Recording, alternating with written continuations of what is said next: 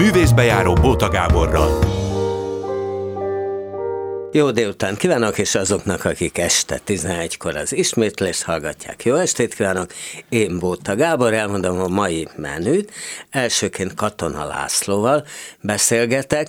Hát ugye rengetegen ismerik őt, és nem csak a Krétakör színházban, hanem hát azóta mindenféle sorozatokban is dúl, de ugye nézőművészeti főiskola előadás is, ami hát azóta ugye hát egy csoportosulás és egy kis társulat is, és hát nagyon tudja az embereket fapofával röhögtetni.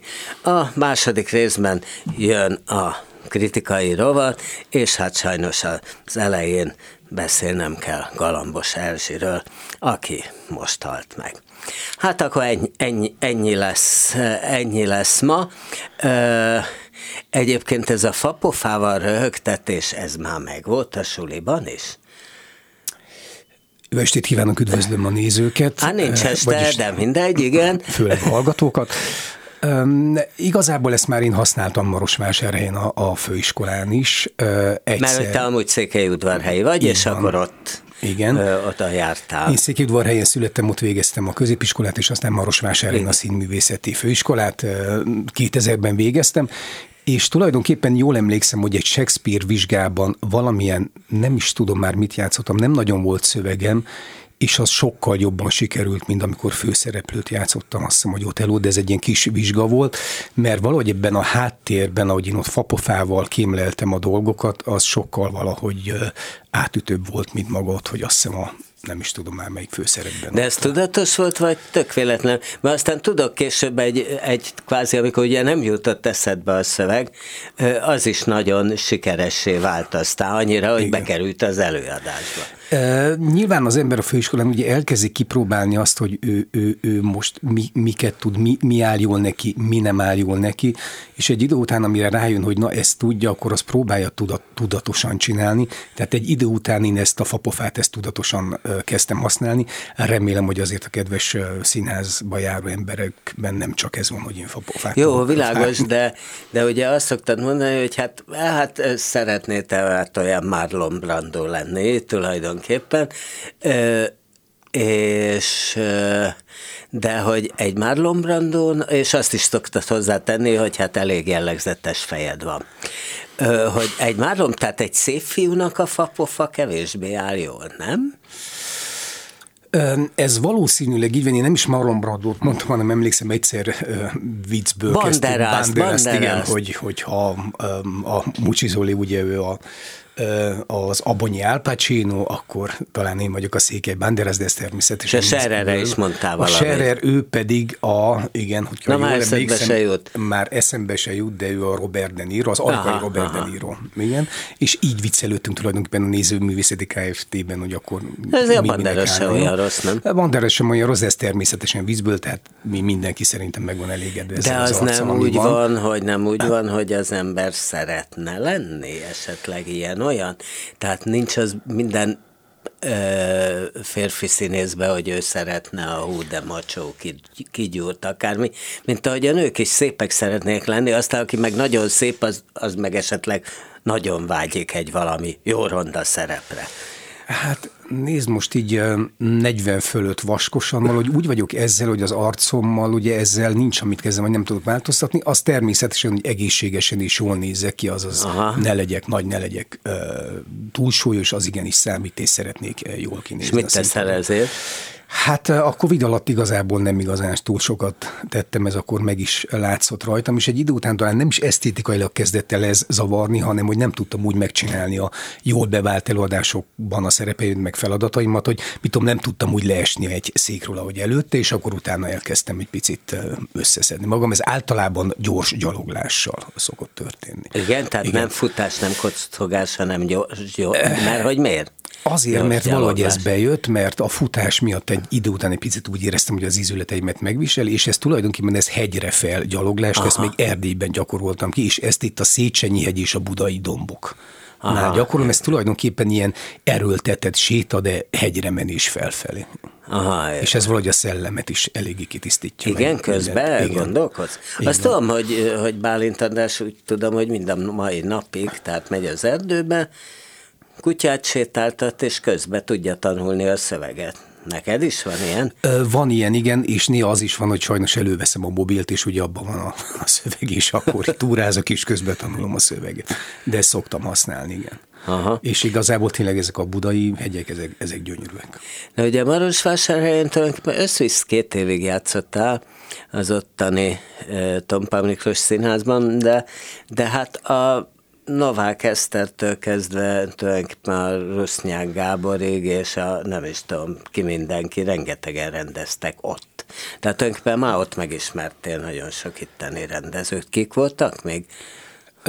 Igen, a Novák Eszternél is játszottam, ez egy nagyon szerencsés csillagállás volt, mert akkor valahogy a budapesti rendezők is lejöttek Marosvásárhelyre rendezni, meg a román színházokból is kaptunk meg jó rendezőket, és ugye akkor volt Novák Eszter, meg tulajdonképpen a Hajdu Szabék, akkor Aha. ők harmadéves filmesek voltak, amikor mi elsőévesek voltunk, és akkor volt egy ilyen, hogy a budapesti ö, filmrendező szak, és a mi első, vagy a, talán már másodévesek voltunk Marosvásárhelyi osztályunk, ö, csinált egy közös vizsgát tulajdonképpen, és akkor ott ö, tulajdonképpen a Török Feri, a Hajdu Szabi, tehát ez a ezzel a Gródiána, és sorolhatnám a neveket, a Pálfi Tibor, ezekkel a, az emberekkel már ott elkezdtünk dolgozni, és valóban dolgoztam Novák Eszterre és Rusznyák Gáborral is, és a Rusznyák Gábor egyik előadását megnézte Siling Árpád, úgy kerültem fel a Krétakörből, és aztán a Krétakörből alakult ki a nézőművészeti KFT, amit a Mucsi Zoltán, a Serer Péter és Kovács De Krisztián. melyiket látta a Schilling? A Schilling uh, Purszenyák című előadást, Gömböc úr című előadást. Én voltam a Gömböc úr, hát akkor 75 kilósan, de elég vicces volt a, az előadás. Azt hiszem, és talán még egy De előadást látott. Nem, hát ez volt a koncepció, hogy Gömböc úr az vékony. Egy nagyon vicces előadás volt amúgy, és akkor igazából a Schilling nem miattam jött le, hanem a Viola Gábor kollégámért, aki azóta Kolozsvári Színháznál van, de kettőnket hívott akkor ki, amikor bővítette a Krétakört. De mit csináltott rögtön előadás után? Bement az öltözőbe, és azt mondta, hogy Tulajdonképpen két előadás után azt mondta, hogy ő szeretne egy évre engem De mi volt a Budapestre. másik? Azt nem nem emlékszem, tudod. Igen, nem jó. emlékszem, hogy ott egy párat megnézett, az is lehet, hogy az nem is a színházban volt, hanem még egy, egy főiskolás előadás volt. És mit mondott, miért? Mert hát valószínűleg tetszettem neki. Na jó, jó, jó, Igen. de hát Nem, azt, azt mondta, hogy ő nagyon, nagyon jó, jó karakternek lát engem is most szeretni, szeretni bővíteni, bővíteni a csapatot, a Krétakört, ö, szeretné, hogyha egy évre ketten a Viola Gábor meg én kimennénk, és ez meg is történt, csak ugye ő akkor nyilván egy évben tudott gondolkodni, de én akkor már láttam, hogy ő tulajdonképpen egy, er- most egy, igazából egy társulatot épít. Aha. És te rögtön igen mondtam?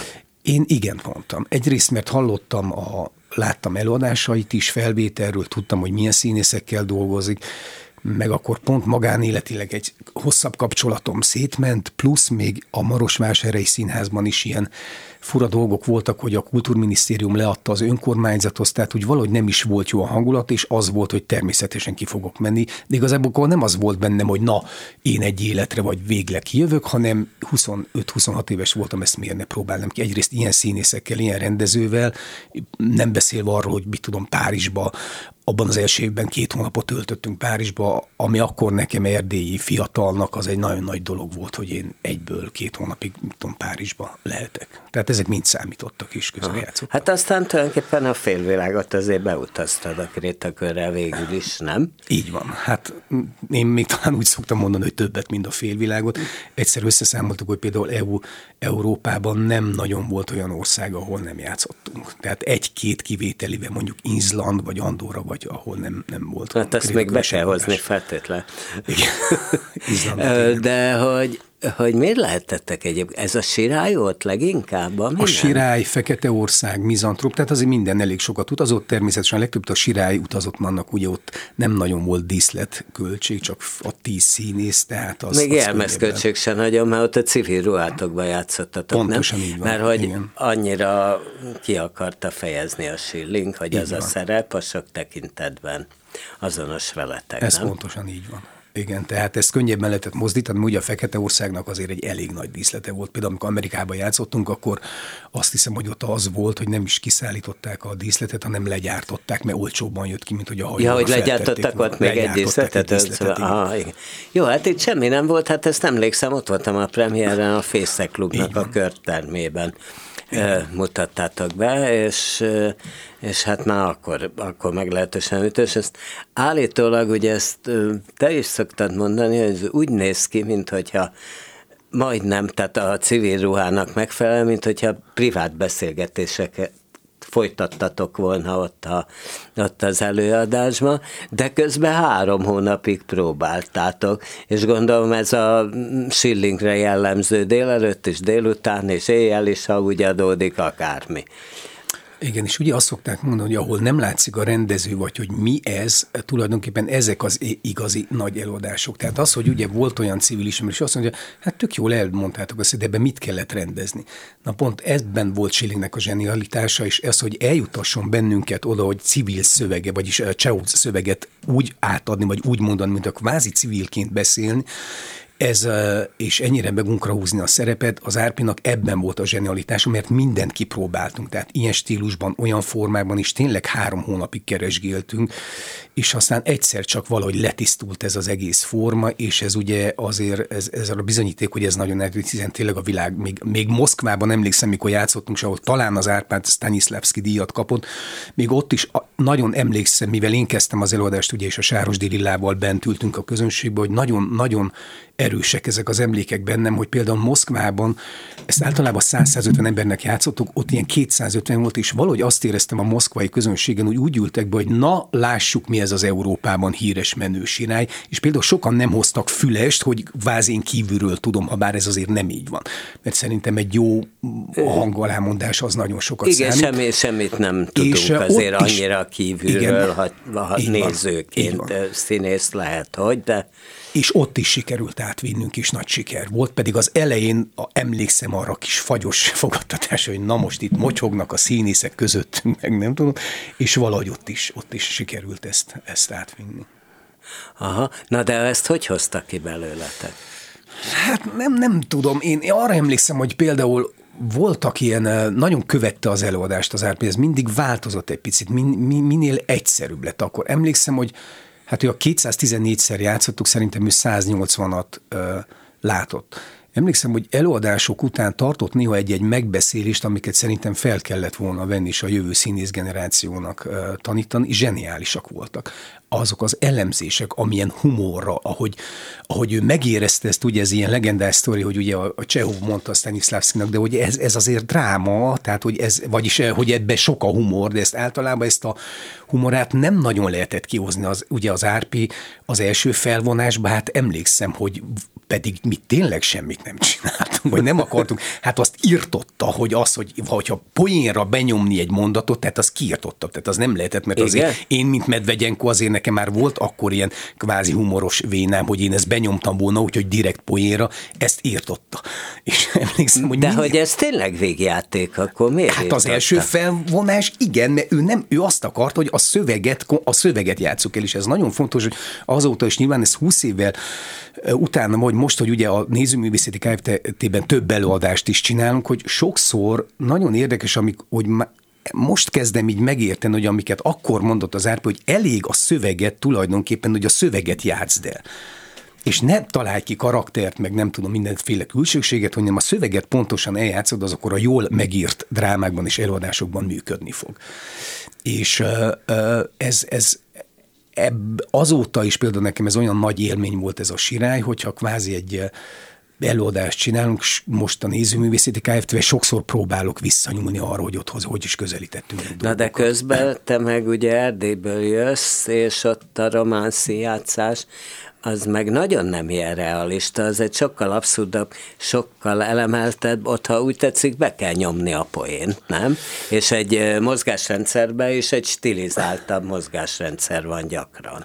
Pontosan, ez így van, és például most, hogy a mm, ez abszolút egyetértek, amit mondasz, és most például csináljuk a Közeleg az idő című előadást a, Nézőművészeti Kft-ben, ezt a Kovács Leher rendezés, ez egy Dán abszurd humorú darab, ezt a Linek Knudsen, ha jól ejtem, írta, és ebből volt egy előadást az új színházban, amit Vigyánszki rendezett, és ez nagyon jó előadás volt, és ez egy abszurd darab, tehát valahogy nem csak a realista színjátszást követeli meg, és én azt is tapasztalom, hogy picit az abszurddal a, a magyar néző néha, mint azt érezném, hogy bajban van. Tehát ugye itt a realista színház nagyon jó, tényleg nagyon jól megy, nagyon jó előadások vannak, nagyon, de a picit elemeltebb, stilizáltabb, és akár nem csak képekben, diszletben, hanem játék stílusban is, nem a realista játékmódot követve, ez mindig egy picit nagyon nehéz talaj. Úgy, de gyakran most, a színészeknek is. De gyakran a színészeknek is, pontosan. Tehát valahogy meg kell ezt találni, hogy milyen stílusba játszok, hogy mennyire elemelten, hogy, mert hogyha nem találjuk meg a stílusát, akkor az lesz, hogy hát itt ezek így kezdtek játszani, ezek most ripacskodnak, vagy milyennek a stílusa. És valóban a román színház ilyen szempontból egy picit, ugye Ionescu meg nem tudom, az abszurdot valahogy könnyebben emészti, én azt gondolom, mint a magyar néző, vagy a magyar színház, de ebben nem biztos, hogy igazam van.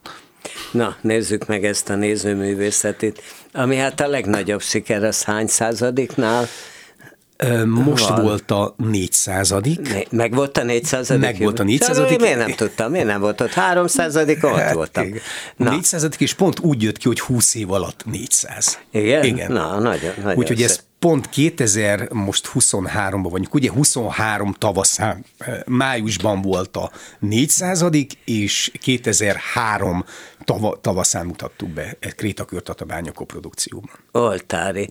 E, nyilván nem gondoltátok, hogy ez ekkorát fog, ekkorát fog durranni, gondolom, és ez a Schillingnél ugye sokszor nagyon rá voltatok kényszerítve a rögtönzésre, és itt már nem tudom, itt már nyilván minden rögzült, de hogy rögtönzéseken is alapszik az, hogy három pasi szétröhögteti, ugye a Serrer Mucsi meg te, szétröhögteti a közönséget, azt tuti, csak nyilván utána ezek rögzültek. Vagy még mindig vannak új elemek? Még mindig van egy-két dolog, és ez sajnos ez elég kicsit szégyen elmondani, de ezt azért tudom, hogy néha bejön, mert én néha megfordulok, és egy-két dolgon rögök, mert egyszerűen nem bírom, hogyha kapa vagy Pepe valami Tehát hátra fordulsz, és Hát hátra fordulok, és megpróbálom a kezem így ide tenni a számhoz, mint a, mert van egy bizonyos... De ezt imádja a közönség, erre beszokott jönni a nyílt színű taps, hogy ez annyira baromi jó, hogy a színész sem bírja Igen, akkor valóban van egy ilyen, amikor a néző és a színésszel együtt nevet, hogy ezek annyira szeretik saját magukat örök, de ez általában ez tényleg nem megengedett, és ez nem, ez nem, ez profi dolog, ezt uh, uh, valljuk be, meg ugye olyan is szokott lenni, amikor egyszerűen a színészek annyira elkezdenek röhögni, vagy nevetni a színpadon, hogy nem megy tovább, és a néző nézi, hogy gyerekek, én nem szórakozok, ti mit szórakoztok, ez a rosszabbik eset, ez, ez, ez is előfordul. Tehát, hogy a kérdésedre visszatérve, van még bizony, ugye itt kiszólunk néha a közönséghez, és ugye ők hogy reagálnak, mit szól vissza, tehát van egy öt, azt mondom, egy 5-10 százaléknyi ilyen improvizációs uh, ö, játék még van benne, de azért nagyjából ez rögzített. Természetesen voltak olyan az évek során azt mondtuk, hogy na ez most nagyon jól bejött, ezt hagyjuk benne, mert ez, ez biztos, hogy bejön, ez a mondjuk improvizáció. Van, amelyik tényleg benne van, ott van, amelyiket pedig kitett. Ugye ez arról szól, hogy hát tulajdonképpen túl vagyunk már mindenen, égszakadás, földindulás, izé, már színházak is bezártak, és akkor hát most újra nyit, ott egy pár, és akkor most meg kell tanítani a nézőket arra, hogy, hogy színházat nézzenek. Úgy, úgy belegondolok, hogy tulajdonképpen olyan lidérces szituáció ez, hogy most zárnak be sajnos színházak, főleg függetlenek, de most éppen az új színház sem hegy, mert hogy mellette Igen. szállodaépítés van, én nem tudom, hogy az annyira áthallatszik ma helyett láttuk máskor is egy színház mellett építkeznek, ott azt még nem kell bezárni, na mindegy, de hogy, hogy az alapszituáció, hogy itt a világ vége, és abból valahogy újra kell építkezni, ez, hogy úgy mondjam, a, az előadás alá ment, nem? Tehát, hogy a szitu sokkal jobban elképzelhető. Igen, és ez főleg emlékszem, amikor a Covid lezárások után ugye elkezdtük játszani, akkor a Serer Péter mondja azt a szöveget, hogy nem tudom hány év bezárása után megkaptam az engedélyt a nem tudom, kultúrminisztérium, hogy, hogy megnyithassam ezt az egészet, és akkor az nagyon furán hangzott, hogy hat hónapig tényleg be voltak zárva a színházak, és akkor olyan, mint hogy azt, azt arra az estére találtuk volna ki, pedig ezt ugye húsz éve játsszuk. Hát igen, ebben van egy abszurd, én valahogy azt érzem, hogy a Covid óta ugye nem igazán jött helyre teljesen ez a, ez a főleg színházi világ, nyilván én ezt ezen a tükrön keresztül látom az életet, vagy nem csak ezen, de hát főleg ezen.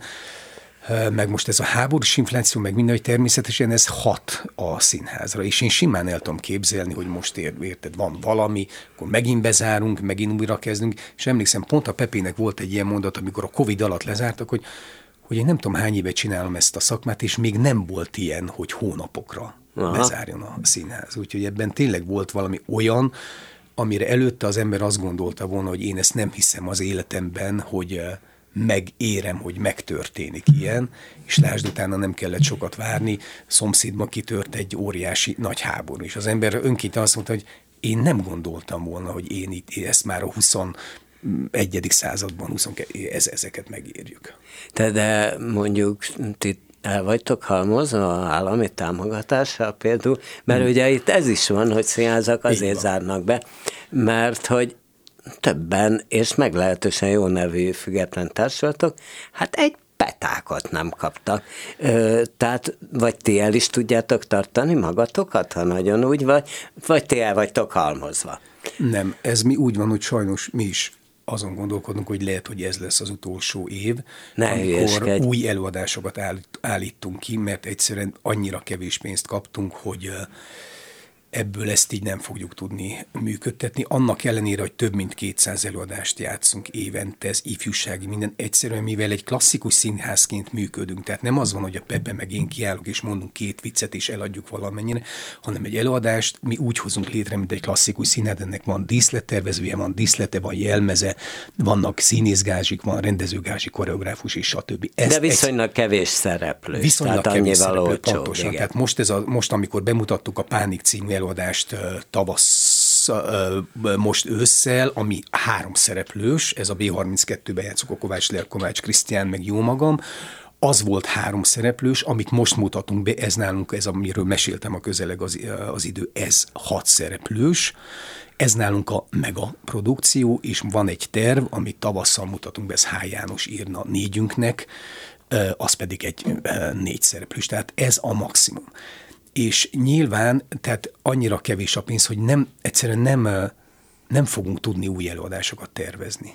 Mert ugye az nem koprodukció, hogyha mondjuk a Szkénével, vagy bárkinek színházzal, hogy te adjál belé x milliót, mi pedig nem adunk semmit. Általában egy koprodukció nem így szokott. Hát, igen, igen. De nem tudjuk kitermelni. Tehát ugye nálunk van két, há, három, a Gyulai Eszter, a Tóth Péter, akik ő, ők tulajdonképpen az adminisztrációt megszervezik, meg művészeti vezető, meg a gazdasági, ezt mi nem tudnánk csinálni. És tulajdonképpen az ő fizetésüket sem tudjuk nagyjából kitermelni, úgyhogy igazából most úgy vagyunk, hogy ebben az évben tényleg négy bemutatunk van. De most ti is sokkal kevesebbet, vagy alig sokkal kevesebbet kaptunk. Mi kaptunk valamennyi, de hát ezt az egy kezemen meg tudom mutatni konkrétan. Aha. És akkor mi lesz? Akkor játszátok végkimerülésig, ami már megvan? E, elvileg, Vagy azt se. Elvileg hogy... most az a terv, hogy ugye ebben az évben most tényleg bemutatunk mindent, amit lehet, és hogyha jövőre nem lesz pénz új előadásokat készíteni, akkor viszont a meglévő előadásokat, ezt a B32-ben, a Szkéné Színházban, a Centrálban, ezeket természetesen addig játszok, amíg, amíg van néző. Aha. Ez most ez a terv, aztán természetesen az, az van, hogy mi is próbálunk ilyen valahonnan szponzort szerezni, meg hogy valaki támogatna egy ilyen független csapatot, de hát ez sajnos Magyarországon nem könnyű uh-huh. akármennyire is ismertek, meg, meg jó-jó előadás, sokat hozunk létre, ez, ez nem olyan egyszerű. Hát igen, mert tulajdonképpen elég ismert színészek vannak, hát ugye főleg a Mucsi meg a Sárer, abszolút, de hát te is voltál, beszéltünk szappanoperágma, hát azért azt olvastam, hazamentél Székesfehérvárra, akkor Székelyudvarhelye, jaj, bocsánat, Székesfehérre, igen, akkor mindenki a Vilmossal akart szelfizni, ami először téged meg, meglepett, de hát szappanopera szerep, ugye? És úgy is szólítottak le, hogy itt a Vilmos, mit keres itt a Vilmos, nem tudták, hogy ott születtél. Így van, tehát ugye Székelyudvar helyen én eljöttem 18 éves koromban, hát nyilván az én generáció, meg az én haveriköröm azt tudta, hogy én színész vagyok, és volt ott egy nagyon menő kocsma, ez a Gépáb, ez Budapesten híres kultúrkocsma volt, rengeteg író-olvasó találkozó, kis színdarabok, zenekar, mindenki megfordult ott, és ott többször játszottunk is, ezeket főleg a Nézőművészeti Kft. kisebb, az Adipedőfit Nézőművészeti több előadását, az a kör ismer, de ugye a néni, én, hogyha lementem az üzletbe, ő meg nem ismer. És akkor ez olyan fura volt, hogy vagy maguk itt kirádul, Vilmos itt van, és mondom, nem, én itt lakom a szomszéd tömbházba. Úgy, Még hogy... mindig azt mondod, hogy ott laksz? Hát igen, még mindig vannak ilyen, igen, kicsit uh, ilyen szavaim. Uh, szóval, hogy ez valami, de az, hogy az ember ismert lesz, vagy nem tudom, az nem feltétlenül hozza azt, hogy bemegyek egy céghez, és azt mondom, hogy né, figyelj, jó lenne nekünk 10-15 millió, mert van egy Aha. kis független csapatunk. Az nem az, hogy ó, persze Vilmos úr, ugye itt van, annyira szeretjük a művészetet, hogy adok 100 milliót. Ez sajnos nem így működik. De próbálkoztál ezzel? Én nem feltétlenül, de azért próbálkozunk így a csapat ezzel, hogy próbáljunk, mit tudom, valami nagyobb céget esetleg bevonni. Csak ugye nagyon nehéz ez is, mert ugye mi ahhoz képest, ha bár sokat játszunk, ez általában a B32 100 férőhely, és a Skéni 150 férőhelyes, tehát nem olyan nagy, nem látszik olyan nagyon, hogy azt mondja, hogy én oké, beladok valamennyi pénzt, de ez a reklám, ez a reklám, ez, ez hol fog megjelenni. Hát mégis más lenne, ha az Erkel színházban, igen. igen. Ez, ugye, ugye esténként látja száz ember, ja, hát az vagy 150 Mert amúgy ti nem. ugye az ember nem vagytok úgy politikusok, mint mondjuk a Pintér Béla tehát, hogy a, a, akinél természetesen felháborító, hogy nem kaptak egy petákot se, de, de jobban lehet érteni, hogy miért nem kaptak. Ugye nálatok az, van, van benne, de nem úgy, hogy, hogy azért arról szóljon egy előadás, nem? Ö, igen, ez így van. Tehát van egy-két előadás, amivel picit reflektálunk, van egy hol a színészünk, az egy picit a mai színészek állapotára meg ö, reflektál. Ebben egy pici van, de ez sem a politika oldaláról közelítjük meg, hanem a színészi lét oldaláról. Itt ebben az előadásban különben nagyon ajánlom a nézőknek, ez a Szkéni színházban megy, hol a színészünk című előadásunk. Itt a színészi lét, ez, hogy bezárnak, az, hogy egy meghallgatásra el kell menni, ezek hogy működnek. Tehát ezen keresztül egy kicsit reflektálunk uh-huh. a mai állapotokra, de természetesen nem az van, hogy na most konkrétan politizálni akarunk, de hát valahogy mi sem kapunk. Na ja, na, te mitől pánikolsz, ha már Pánik című darabnál tartottunk? Hát természetesen minden aggaszt, ami a, a világban ugye tör, történik.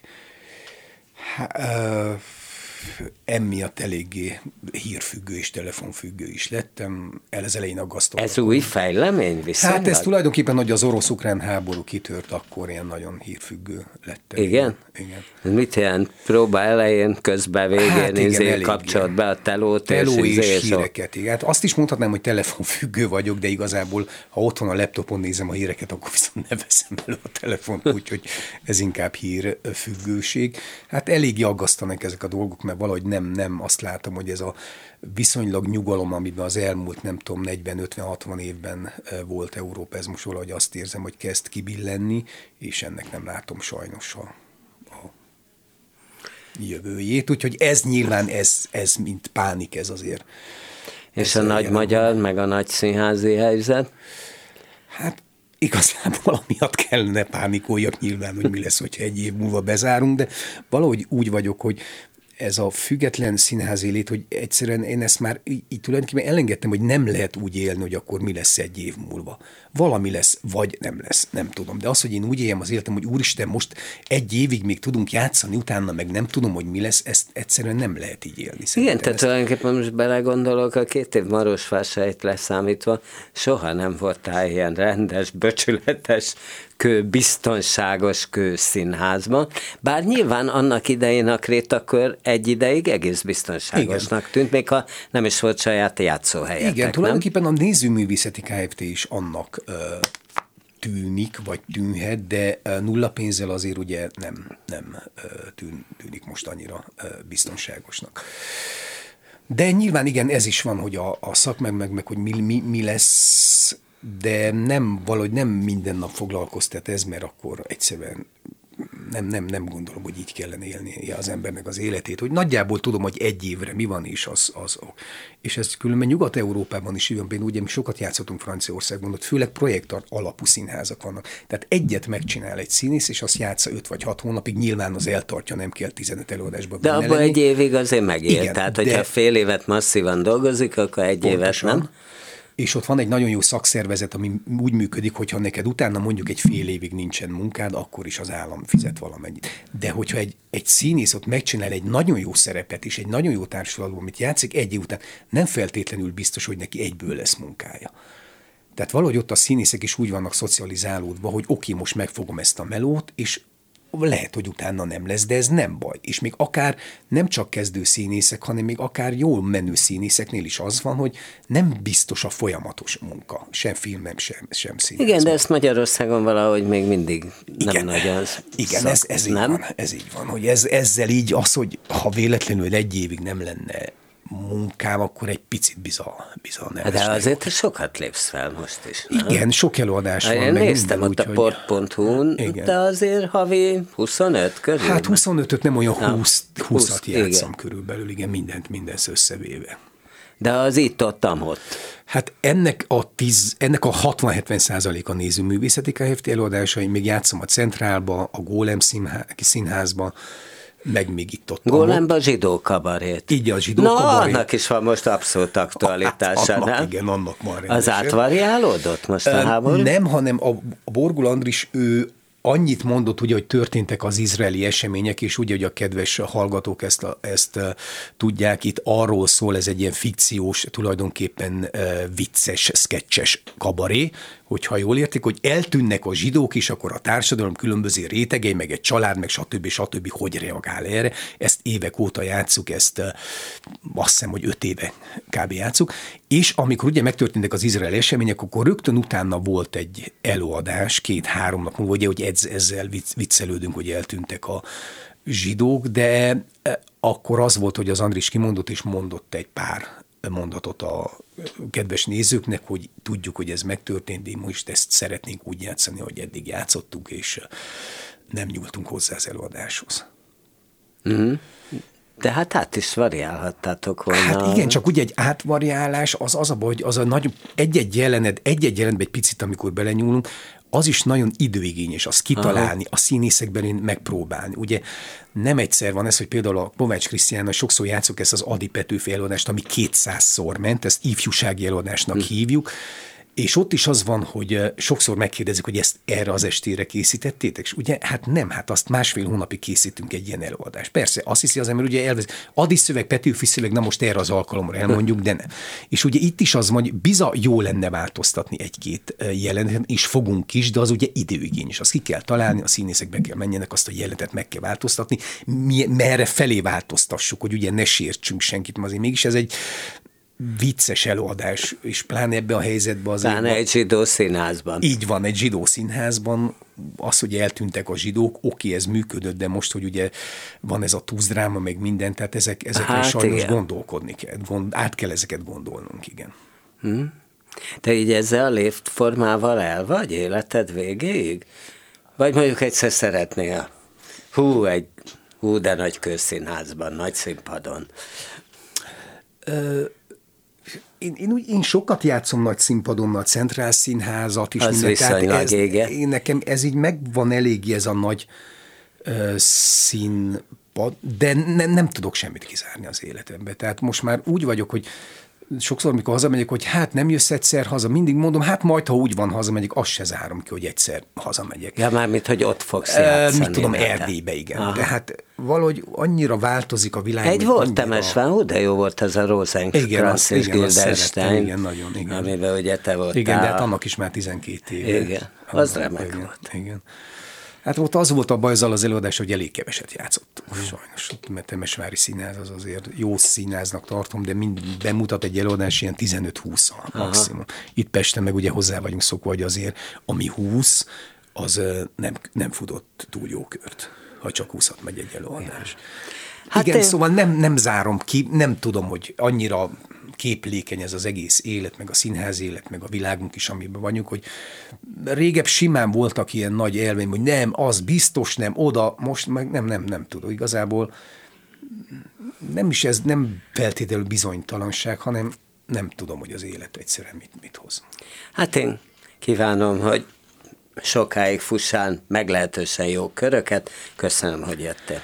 Én is köszönöm a meghívást. Katona László volt a művészbejáró vendége, a kiváló színész, és akkor folytatjuk a kritikai rovattal a szignál után, és hát természetesen beszélek Galambos Erzsiről. Művészbejáró Bóta Gáborral. Hát akkor folytatjuk Galambos Erzsivel. Ugye azok közé tartozott, akikről az ember tényleg azt gondolt, tudta volna, hogy hát örökké élnek, túl a 90-en, még azért ugye a 90 éves kicsit a Covid miatt késleltetett születésnapján és annak a megünneplésén még brillírozott, és hát lehetett vele beszélni, tehát időnként előfordult, hogy ő is fölhívott engem, én is fölhívtam őt, és akár hosszasabban dumáltunk, tehát ha éppen jó kedvébe volt, tudott meglehetősen letargikus lenni, én emlékszem arra, amikor ugye megszüntették a József Attila Színház társulatát, és én ott riportokat csináltam, akkor bizony sírt, meglehetősen jól láthatóan az öltözőjébe, tehát nagyon el tudott kenődni, miközben azért ő a jókednek volt a színésze, tehát ő nagyon tudta jókedvre deríteni az embereket, holott hát ugye meglehetősen, meglehetősen alulról jött, a színház iránti imádata egyébként onnan van, hogy a mamája vagy 30 évig volt az Operett Színházban jegyszedőnő, a papa pedig portás volt a szemben lévő Arizona mulatóba, és annyira szegények voltak, hogy, hogy volt, hogy hajnalba a megmaradt kaját hazahozta, és hát azt, azt tették, és olyan is volt, hogy bizony két ballábas cipője volt, és abban kellett járnia, ezért aztán mindig vágyott egy gyönyörű, fénylő lakcipőre, és hát aztán, mint színész, ugye ezt ő meg is kapta, hát nagyon megtanult elegánsnak mutatkozni, nagy estéket hordani, ha kellett, és sok-sok-sok szép cipője volt, kárpotlásul, és hát ugye, hát az Operett Színház tárja lett, tehát be, bekerült a meglehetősen nagyok közé, tehát még játszott Gombaszögi Ellával, Honti Annálval, Somlai Artuát, persze Rátonyi Roberttel, vagy akár, akár Latabárral, később ugye Darvas Iván, Besenyei, Feleki, Kamil, és hát egy idő után ugye ő számított nagynak, voltak legendás előadásai, tehát például a kabaréban Szelli, ahol ahol hát csillogni, villogni is kellett, de kicsit rossz nőnek mutatkozni, szeszélyesnek lenni. Hát a szeszélyesség az amúgy szerintem civilben is előfordult jócskán, hogy ment neki, és aztán volt még egy nagyon nagy szerep ugye a, a Chicagóban, felföldi Anikó partnereként ott hát elterjedt, hogy hát állandóan rivalizálnak, és hát meglehetősen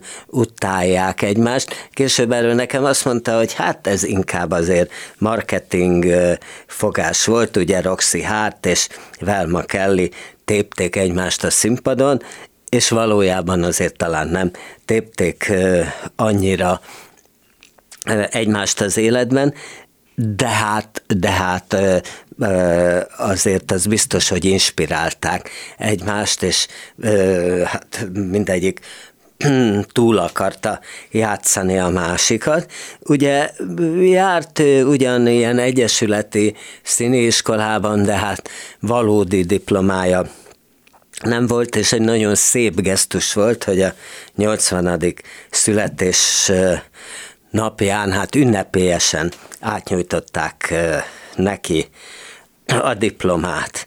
Hát ugye már tizenévesen tulajdonképpen előfordult az Operett Színházban, és mondanom se kell, hogy hát ott lógott, a, lógott az előadás. Sokon három férje volt, Nagy Attila, Pellaki István, ugye mindketten színészek, de hát a nagy-nagy-nagy dolognak azt tartotta, hogy Petrovics Emilnek, a jeles zeneszerzőnek volt aztán a felesége, és úgy gondolta, hogy hát e, ez, ez, ez, ez aztán az ő, ő egyeteme. Két dolgot bánt meg az életében, ahogy egyszer nekem mondta. Az egyik, hogy elvált Petrovicstól, a másik pedig, hogy nem fogadta el Várkonyi Zoltán ajánlatát a Víg Színházba.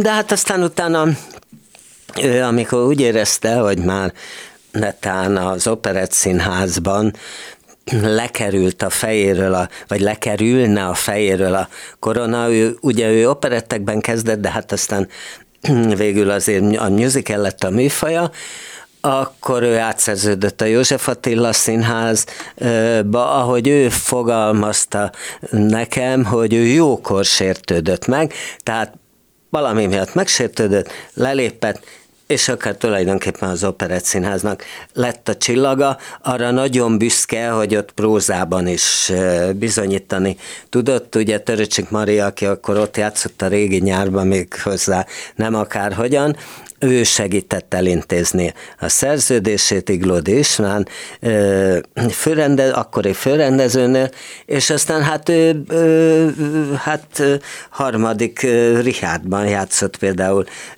Erzsébetet, vagy Hát például azért az éjjeli menedékhelyben Gál Erzsi rámerte osztani abszolút férfi szereplukát, Igaz, hogy csak a, csak a stúdióban, de Mahagonni város, a Brecht, az már aztán abszolút nekivaló volt, és aztán könnyed, kellemes zenés vígjátékokban is. Ő nagyon értette, hogy ezeket hát abszolút tartalommal tudta, tudta meg, megtölteni.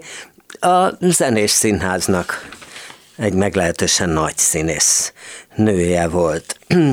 Most beszélnék egy általán nagyon fontosnak tartott előadásról, meglepődtem, hogy mennyire ütős és mennyire erős. Ugye a Free SFE és a Salzburgi Mozart Teum diákjainak a Királyi úton című közös produkciója, amit egyébként márciusban már be is ö, mutattak Salzburgban. Hát most jutott el csak, ö, csak hozzánk, ugye hát azt tudják, hogy a Free SF esetében ö, ők általában itthon tanulnak, de van, hogy a diplomát azt egy külső egyetem vállalja magára, hogy, hogy meg, megkapják tőle. Na most ez a Királyi úton című produkció, ez az Alfred Jelinek, aki egy hát meglehetősen remek író, nyomán, tehát ennek a darabjá, az ő darabjának nyomán, azért ezek zömében ö, saját, meglehetősen ütős szövegek. Azt is mondhatnám, hogy ez egy ilyen intellektualizált, gyakran nagyon erősen politikai kabaré, igen kemény mondatokkal. A, a Hát a jobbból, a szélső jobbnak az elhatalmasodásáról, amit hát egész Európában megfigyelhetünk, de hát sajnos pont Ausztriában, meg Magyarországon a, a leginkább, és hát itt pacekban van, van szó erről, névvel, címmel, ahogy már Arisztofanész is csinálta, ö, említenek meg politikusokat, vezetőket, közéleti embereket, és mindezt valami fölöttébb játékos, nagyon fantázia dús formában teszi, díszlet nincs, a jelmez is valami hasonló, mint hogyha hát saját ruháikban lennek, de berobbannak a színpadra, és tulajdonképpen ettől kezdve azt kell, hogy mondjam, hogy hát ilyen robbanás közeli állapotban vannak, és kiéneklik kimozogják,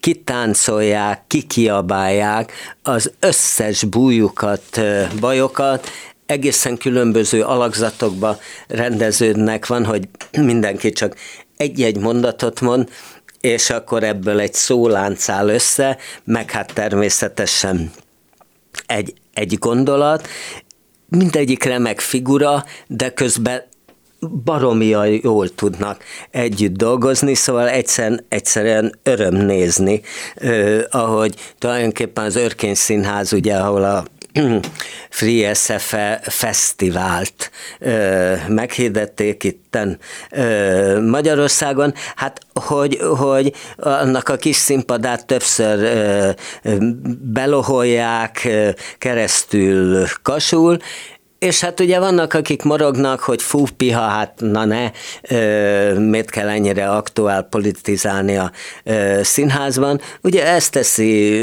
Pintér Béla is, ezt teszi gyakran Bodó Viktor, aki hát éppen ugye sajnos külföldre szakadt, de hát az Örkény Színházban sokat dolgozik, ezt teszi gyakran Székely Csaba is a darabjaiban, és hát miután Arisztofanész is ezt csinálta, és azt gondolom, hogy minél jobban nő a baj, ez annál inkább terjed a színházakban, hogy bizony agórává válnak, köz, közplacá, köztérré válnak, ahol, ahol ki lehet üvölteni és kiállni, kiabálni a, a bajainkat. Azokban a színházakban, ahol még nem muszájak kvázi úgymond elhíresült kifejezéssel élve a remény színházát csinálni, de én úgy gondolom, hogy ezek a fiatalok tulajdonképpen ö, maguk a reménység, mert egyszerűen nagyon dühösek, de ezt meg tudják ö, fogalmazni, megvannak már ehhez a ö, színészi eszközeik, és talán eszükbe se jut, hogy milyen bátor dolgot csinálnak, hanem természetes ö, számukra a szó kimondás, tehát hogy hogy irigylésre méltó szabadok, tehát én nagyon bírtam ezt a Királyi úton című ö, előadást. Húha, húha, húha, ö, pár ö, mondat a, a John című budaörsi produkcióról, ugye az ottani Latinovics Színház Máté Gábor rendezésében négy színésznek tulajdonképpen a jutalomjátéka Böröndi Bence Hartai, Petra Takács Katalin és vendégként Bánsági Ildikó, ez majdnem, hogy egy horror, de inkább lélektani horror, négy ember össze van zárva egy, egy panzióba, két fiatal, akiknek hát a az életük úgy tűnik, hogy, hogy tönkremenőben van, de még próbálják megmenteni. A panziós nő, ez ugye Takácskati, és neki egy ilyen 80-on túli vag barátnője, akinek hát aztán mindenféle látomásai vannak,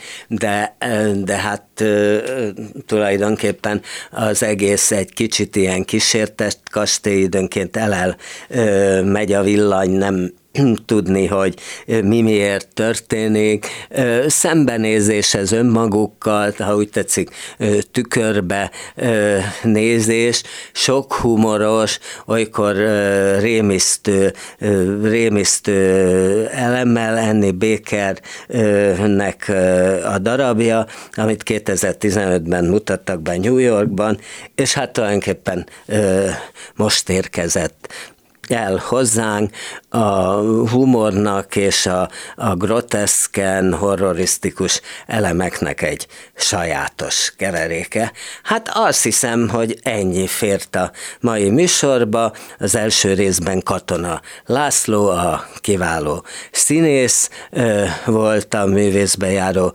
vendége, a második részben pedig hát megemlékeztem Galambos Erzsiről, és beszéltem annyi előadásról, amennyi re időm maradt, hát akkor viszont hallásra, ha van kedvük, hallgassák meg a híreket, az ismétlést, és az sem mindegy, hogy ezúttal Túri Lajos Louis volt a hangpultnál. Viszont hallásra! Művészbejáró Bóta Gáborral